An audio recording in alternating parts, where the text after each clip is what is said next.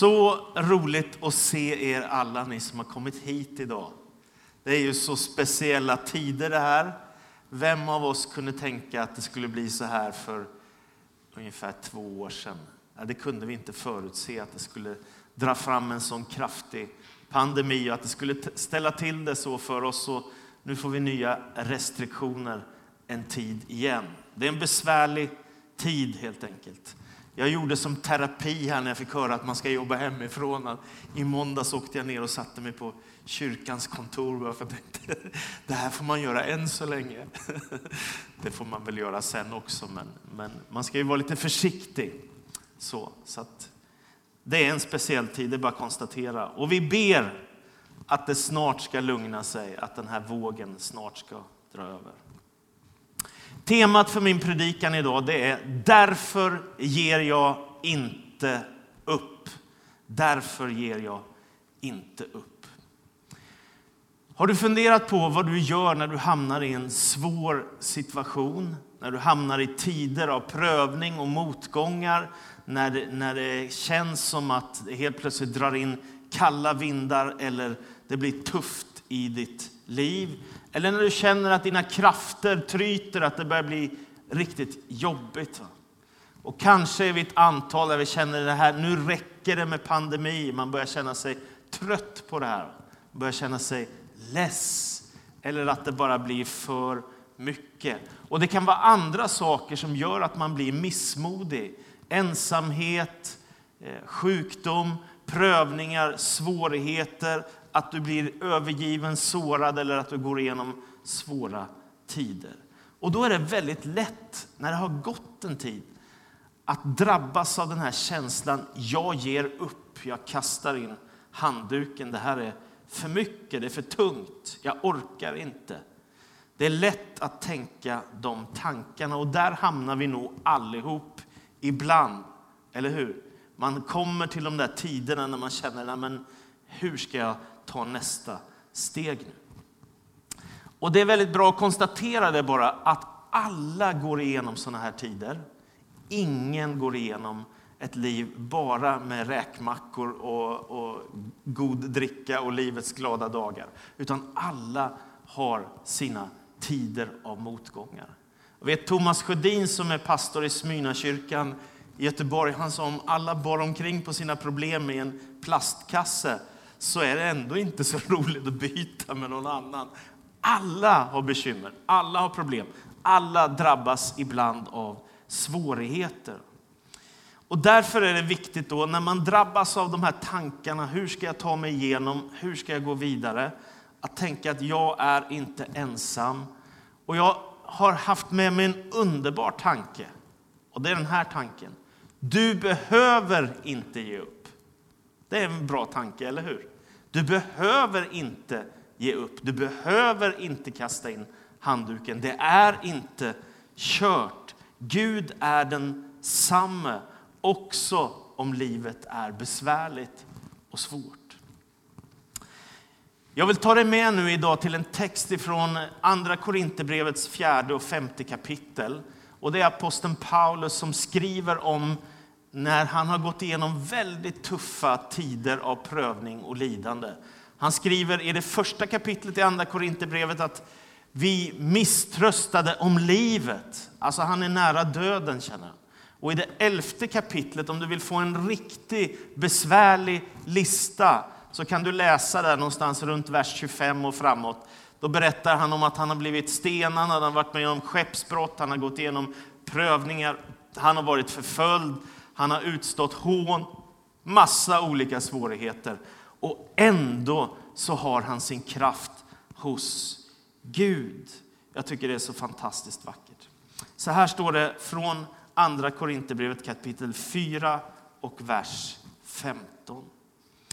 Allt detta sker för er skull, för att nåden ska nå allt fler och hos allt fler väcka en sån överflödande tacksamhet till Guds ära. Därför ger jag inte upp. Även om min yttre människa bryts ner förnyas min inre människa dag för dag och mina kortvariga lidande väger ju oändligt lätt mot den överväldigande eviga härlighet de bereder åt mig, som inte riktar blicken mot det synliga utan mot det osynliga. Det synliga är förgängligt, men det osynliga är evigt. Och vi vet att då det tält som är vår jordiska boning rivs ner har Gud en byggnad hos oss i himlen, en evig boning som inte är gjord av människohand. Medan vi är här ropar vi av längtan efter att få ikläda oss vår himmelska boning. Ty har vi väl iklätt oss den ska vi inte stå där nakna. Och vi som ännu bor i tältet ropar i vårt betryck. Vi vill ju inte bli avklädda, vi vill bli påklädda så att det som är dödligt uppslukas av livet. Gud själv har skapat oss just för detta och som en borgen har han gett oss anden. Därför är vi alltid vid gott mod. Även om vi vet att vi har vårt hem i kroppen så är vi borta. Så länge vi har vårt hem i kroppen är vi borta från Herren. Vi lever i tro utan att se. Vi är vid gott mod och skulle helst vilja flytta bort från kroppen och få vårt hem hos Herren. Därför är vi så angelägna om att vara honom till behag, vare sig vi är borta eller hemma. Ty alla ska vi stå inför Kristi domstol, sådana vi är, och där ska var och en få igen för vad han har gjort under sitt jordiska liv, gott som ont. Jag vet alltså vad fruktan för Herren är och försöker därför vinna människor. Om man nu har den här bakgrunden med aposteln Paulus liv, att han är en av dem som förföljer de kristna därför att han tänker, här är några som har hittat en falsk Messias. Och så helt plötsligt en dag när han har fått ett brev från översteprästen i Jerusalem att han har rätt att fängsla de kristna. Och när han är på resa mot Damaskus, då uppenbarar sig Jesus Kristus för Paulus i all sin gudomliga härlighet och glans och talar rakt in i hans liv. Det vänder upp och ner på allt för Paulus. Och helt plötsligt så tar han sig in till staden. Han möter Ananias, en av de viktiga ledarna i den församlingen i Damaskus, som gör att han blir döpt i vatten och han blir fylld av den helige Ande och det sker ett under i hans liv där. Och efter det så börjar han direkt att predika om Jesus Kristus. Men han ska möta många svårigheter och lidande för sin tros skull och för den kallelse som han får över sitt liv. Han går igenom många, många prövningar. Och jag tänker mig, frågan är hur vi hade hanterat om man reser ut för Jesus skull och så är man med om det ena skeppsbrottet efter det andra. Eller man predikar evangeliet att det här är det bästa som finns, att du kan få kontakt med Gud, att du kan få syndernas förlåtelse, ett evigt liv, att du kan få en mening med ditt liv och få en större berättelse över hela din tillvaro som gör att det är meningsfullt och leva. Och så blir man förföljd för att man säger det. Och så blir man hånad för att man säger det. Och så blir man utsatt för dödshot för att man säger det. Det är märkligt. Va? Men Paulus har ett tydligt budskap här. Han säger, därför ger jag inte upp. Och han grundar det på tanken om Guds oändliga härlighet. Det står så här i vers 16. Även om min yttre människa bryts ner förnyas min inre människa dag för dag och mina kortvariga lidande väger oändligt lätt mot den överväldigande eviga härlighet de bereder åt mig. Alltså Paulus har fått uppleva Guds härlighet. Och så inser han att här finns ett perspektiv som öppnar dörren till en stor verklighet. Att Guds härlighet finns där och att den en dag ska bryta fram helt och fullt. Det ger honom hopp. Guds härlighet, hans eviga rike. I kapitel 4 och 5 där i andra Korinthierbrevet så kommer han tillbaka till detta tio gånger på bara två kapitel. Guds härlighet, den härlighet som Gud ger till sitt folk, den eviga härlighet som Gud har förberett för sitt folk. Tio gånger på två kapitel. Här finns en hemlighet. Paulus har drabbats av lidande, prövningar och svårigheter. Och ändå så har han blicken riktad mot en större verklighet. Gud själv och Guds härlighet som ger honom kraft in i prövningarna och lidandet. Det vill säga, han är inte ensam. Han vandrar inte runt här bara som en människa ett antal år i ett tomt universum. Utan han vet ju att Jesus Kristus har mött honom uppstånden ifrån de döda. Han vet ju att Guds härlighet håller på att bryta fram. Därför kan han säga de här obegripliga orden. Att mina lidande, de kortvariga lidande jag har, väger, hör vad han säger, oändligt lätt i jämförelse med den eviga härlighet som Gud har förberett för oss. Är du med? Våra kortvariga lidande väger oändligt lätt i jämförelse med den eviga härlighet Gud har förberett för oss. Det finns ett Gudsrike. Det finns också ett högre syfte för hans liv. Han säger så här i vers 15. Allt detta sker för er skull för att nåden ska nå allt fler och hos allt fler väcka en överflödande tacksamhet till Guds ära. Därför ger jag inte upp. Han vet att han har fått en kallelse över sitt liv. Han vet att Gud vill någonting med hans liv, att det finns en tanke, en syfte för det som han ska göra med sin tid här på jorden. Det vill säga, det lidande som Paulus har fått utstå för evangeliets skull är ju inte utan mening. Om Gud inte skulle finnas så är det helt utan mening. Men detta är ju Paulus upplevelse, mötet med den gudomlige Kristus som kommer med all sin härlighet och Guds kraft som verkar in i hans liv. Och det gör ju att han får ett syfte och en mening med sitt liv. Lidandet har inte varit förgäves, utan det har lett till att evangeliet har gått ut till mängder av människor och budskapet om frälsning har nått ut över romarriket i stad efter stad efter stad efter stad. Och församlingar har grundats som bär detta hoppets budskap. Det finns ett högre syfte, nämligen att evangeliet om Jesus Kristus ska ut över världen. Och även om det för Paulus blev till lidande så finns det ändå ett högre syfte med det han gör. Och det ska väcka en överflödande tacksamhet, säger Paulus. Jag tycker så Hur kan han säga sådana saker? Om man har gått igenom så mycket svårigheter och prövningar för evangeliets skull, så ändå ska det väcka en överflödande tacksamhet till Guds ära. För en högre, ett högre syfte lever han. Och Guds plan med världen är med och förverkligas genom hans liv. Han är drabbad av en kallelse att ge vidare det kärleksbudskap som han har fått. Jag lyssnade på en predikan här i veckan av en pastor som är i New York. och Han heter Carter Conlon i Times Square Church, en fantastisk församling som har gjort så mycket gott. En del av er vet vem David Wilkerson var. Han var den som grundade den församlingen 1987 om jag inte minns fel. Och det brukar vara ungefär 10 000 människor som firar gudstjänst där innan den här förfärliga pandemin. I alla fall så, så säger han att han har fått som ett tilltal i gudstjänsten att han ska säga ge mig en anledning att inte ge upp. Ge mig en anledning att inte ge upp.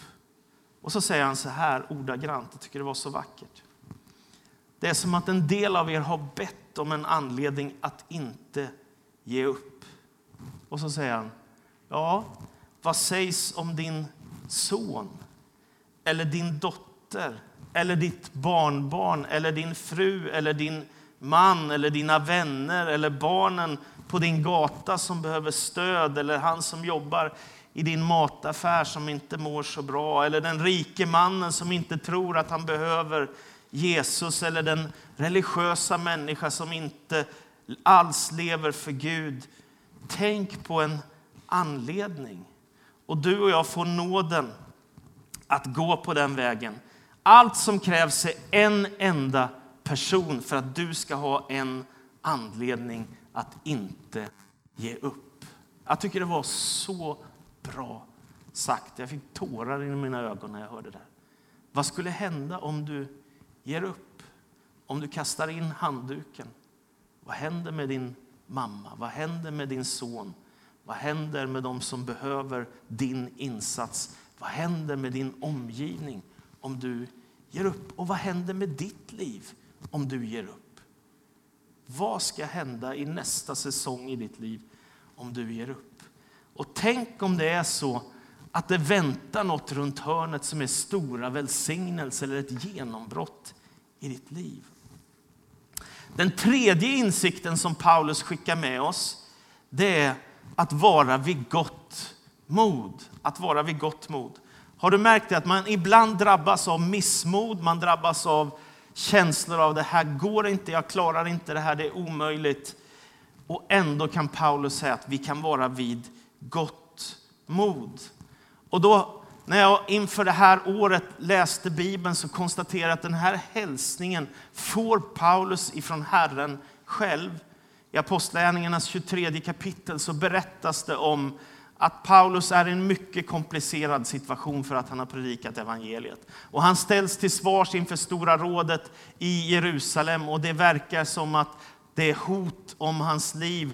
Och när han nu ställs till svars inför att han har predikat att Jesus Kristus är uppstånden ifrån de döda, då bestämmer sig 40 personer för att vi ska inte äta och dricka någonting förrän vi har tagit livet av Paulus. Det får hans systerson höra talas om och så lyckas Paulus ta sig därifrån och i skydd av kommendanten så överlever Paulus. Och det märkliga är bara att mitt i den här situationen, när Paulus då är i fångenskap, mitt i natten, så står det så här att Herren kommer till honom och säger var vid gott mod. Var vid gott mod. Så som du har vittnat i Jerusalem, så ska du också vittna om mig i Rom. Vilket fantastiskt budskap, vilken stark hälsning rakt in i hans mörka situation där han nu får höra att människor vill ta livet av honom för det han har predikat. Då får han höra orden ifrån Herren själv. Var vid gott mod, Paulus. Som du har vittnat om mig i Jerusalem, så ska du vittna om mig i Rom. Jag tycker det är väldigt starkt. Det betyder alltså att han kommer överleva och Gud ger honom beskydd. Här finns en viktig sanning. I Bibel 2000, som jag läser oftast, jag läser ibland folkbibeln och ibland Messenger också. Men i Bibel 2000 står det på ett antal ställen, var inte rädd. Så har man översatt exakt samma meningar på grekiska. Men jag tycker att översättningen var vid gott mod är ännu starkare. Att inte vara rädd, det, är som ett slags negativt. Var inte så orolig, var inte så rädd. Men att vara vid gott mod, det är ett mer positivt budskap, eller hur? Det går alltså att översätta både var inte rädd eller var vid gott mod. Och därför i folkbibelns översättning 98 som kom första. där står det gång på gång var vid gott mod. Och i Bibel 2000 står det ofta var inte rädd. Men var vid gott mod tycker jag är ännu starkare därför att det är så positivt. Va? Det är som att Gud vill skicka in kraft i ditt vardagsliv. Och här säger Paulus de otroliga orden i den här texten, också i Bibel 2000. Vi är alltid vid gott mod. hur, hur kan han säga så? Han som har blivit fängslad för evangeliet. Han som har blivit torterad för evangeliets skull. Hur kan han säga vi är alltid vid gott mod? Därför att han vet att han inte är ensam. Därför att han har mött Jesus Kristus uppstånden. Därför att han vet att Gud är med mig. Därför kan han säga var vid gott mod. Vi är alltid vid gott mod. Och det var som jag sagt någon gång förut också, jag hörde en pastor säga så här. Jag har inte alltid varit glad, men jag har alltid varit glad över att jag är frälst. Jag har inte alltid varit glad, men jag har alltid varit glad över att jag tillhör Gud. Craig Groeschel som är pastor i en församling i USA, han berättade här för en tid sedan att i den här pandemin så hände något i hans liv som han inte var förberedd på. Han drabbades av en personlig depression i den här covid-tiden och han var inte riktigt förberedd. Han leder en jättestor församling och det är många kyrkor som har kopplat samman med hans kyrka där han arbetar och så. Så att han började fundera på, har jag kraften som krävs för att fullborda arbetet som jag står i, som jag är ansvarig för? Och orkar jag med det här? Och klarar jag av motgångarna och inte får samla församlingen och går det här? Hur ska det gå? Är jag rätt person? Och sen så säger han så här i predikan. Jag började inte min tjänst för att det är enkelt. Jag gjorde det inte för att bli populär. Jag gjorde det inte för att bli omtyckt. Jag gjorde det för att människor är förlorade och behöver hjälp och frälsning. Och frälsarens namn är Jesus. Det handlar om honom, inte om mig. Och i min personliga depression så tittade jag på handduken och funderade på vad jag ska göra. Det går att kasta in den och ge upp.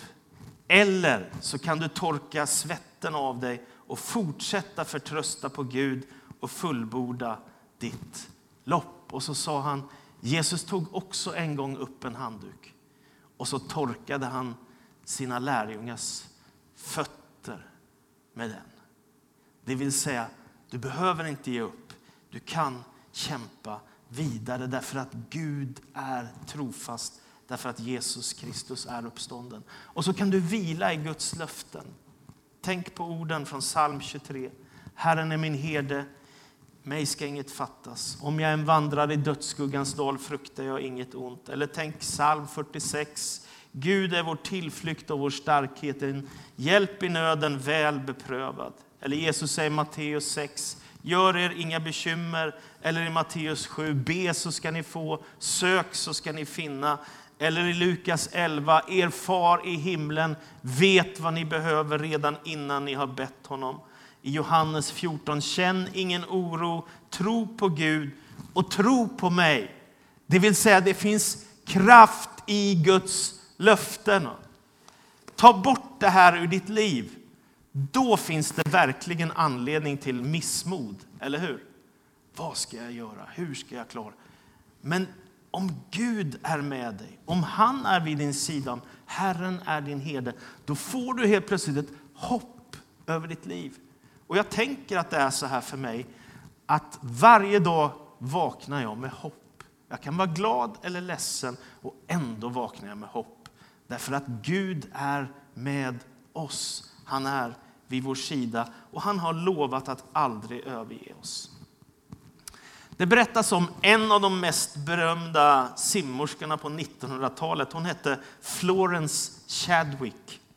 Hon var den första kvinnan någonsin som man vet om att simma över Engelska kanalen. Det är ganska långt att simma mellan England och Frankrike. Och hon var en modig kvinna och gav sig ut på detta uppdrag. Det tog 13 timmar drygt att simma mellan England och Frankrike över Engelska kanalen. Och sen så bestämmer hon sig för att simma tillbaka också. Helt otroligt. 16 timmar tog det att simma tillbaka. Sen bestämmer hon sig för en annan utmaning, att simma från Kaliforniens kust till Catalina Island. Det är en sträcka på 4,1 mil. En otroligt stor utmaning. Det är alltså en ännu längre sträcka. Hon bestämmer sig då för att göra denna utmaning. Och de har med en båt som åker bredvid henne vid sidan om där hennes mamma och ett antal till sitter i den där båten. Ifall det skulle komma någon haj, ifall det skulle bli farligt och hon tappar sina krafter. I 15 timmar så simmar Florence Chadwick. Sen säger hon till sin mamma, jag tror inte att jag klarar det här därför att vädret börjar bli dåligt.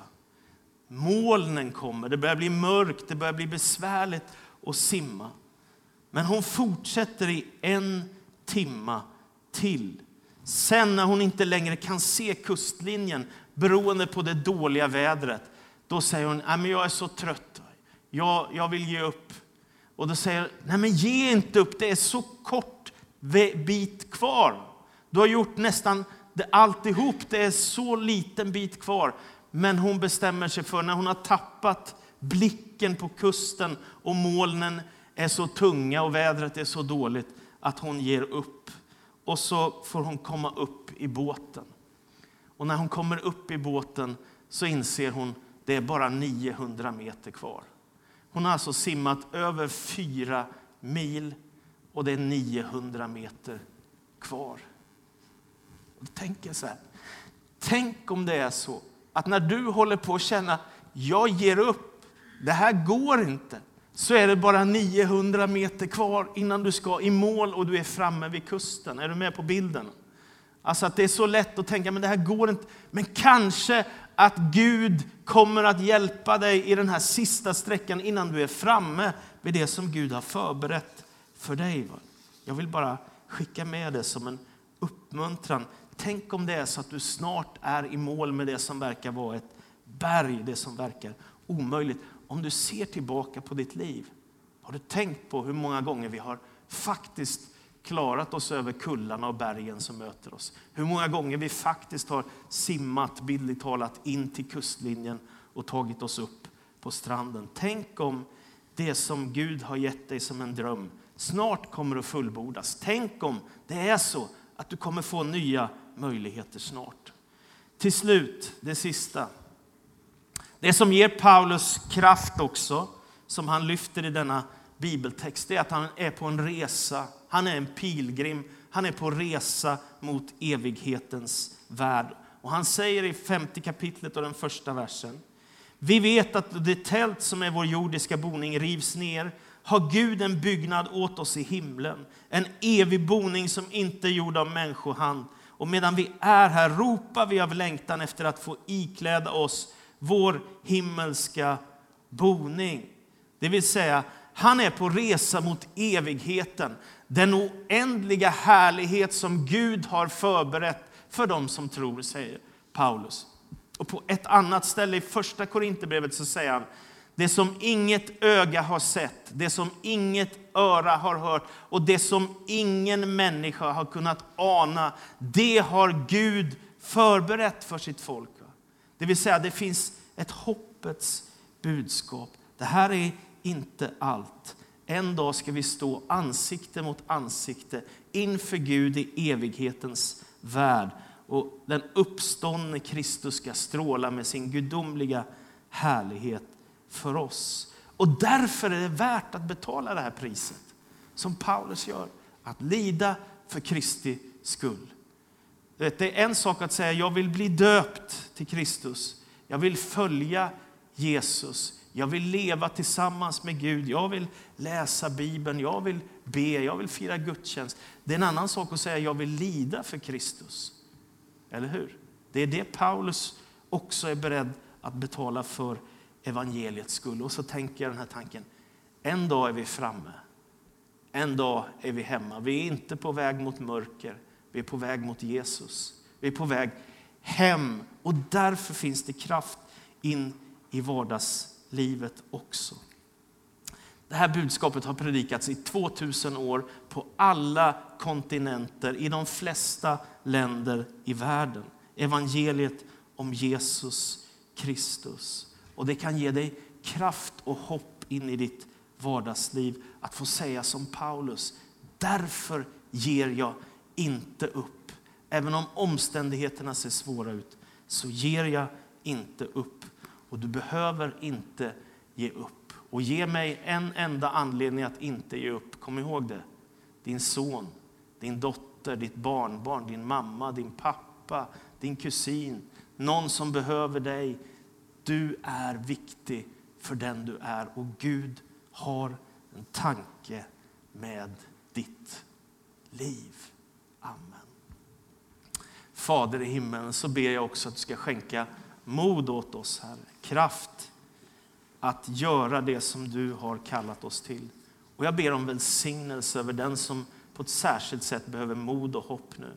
Tack för att du är god och tack för att du älskar oss. Ge kraft och helig ande åt den som på ett särskilt sätt behöver det nu. I Jesu namn vi ber. Amen.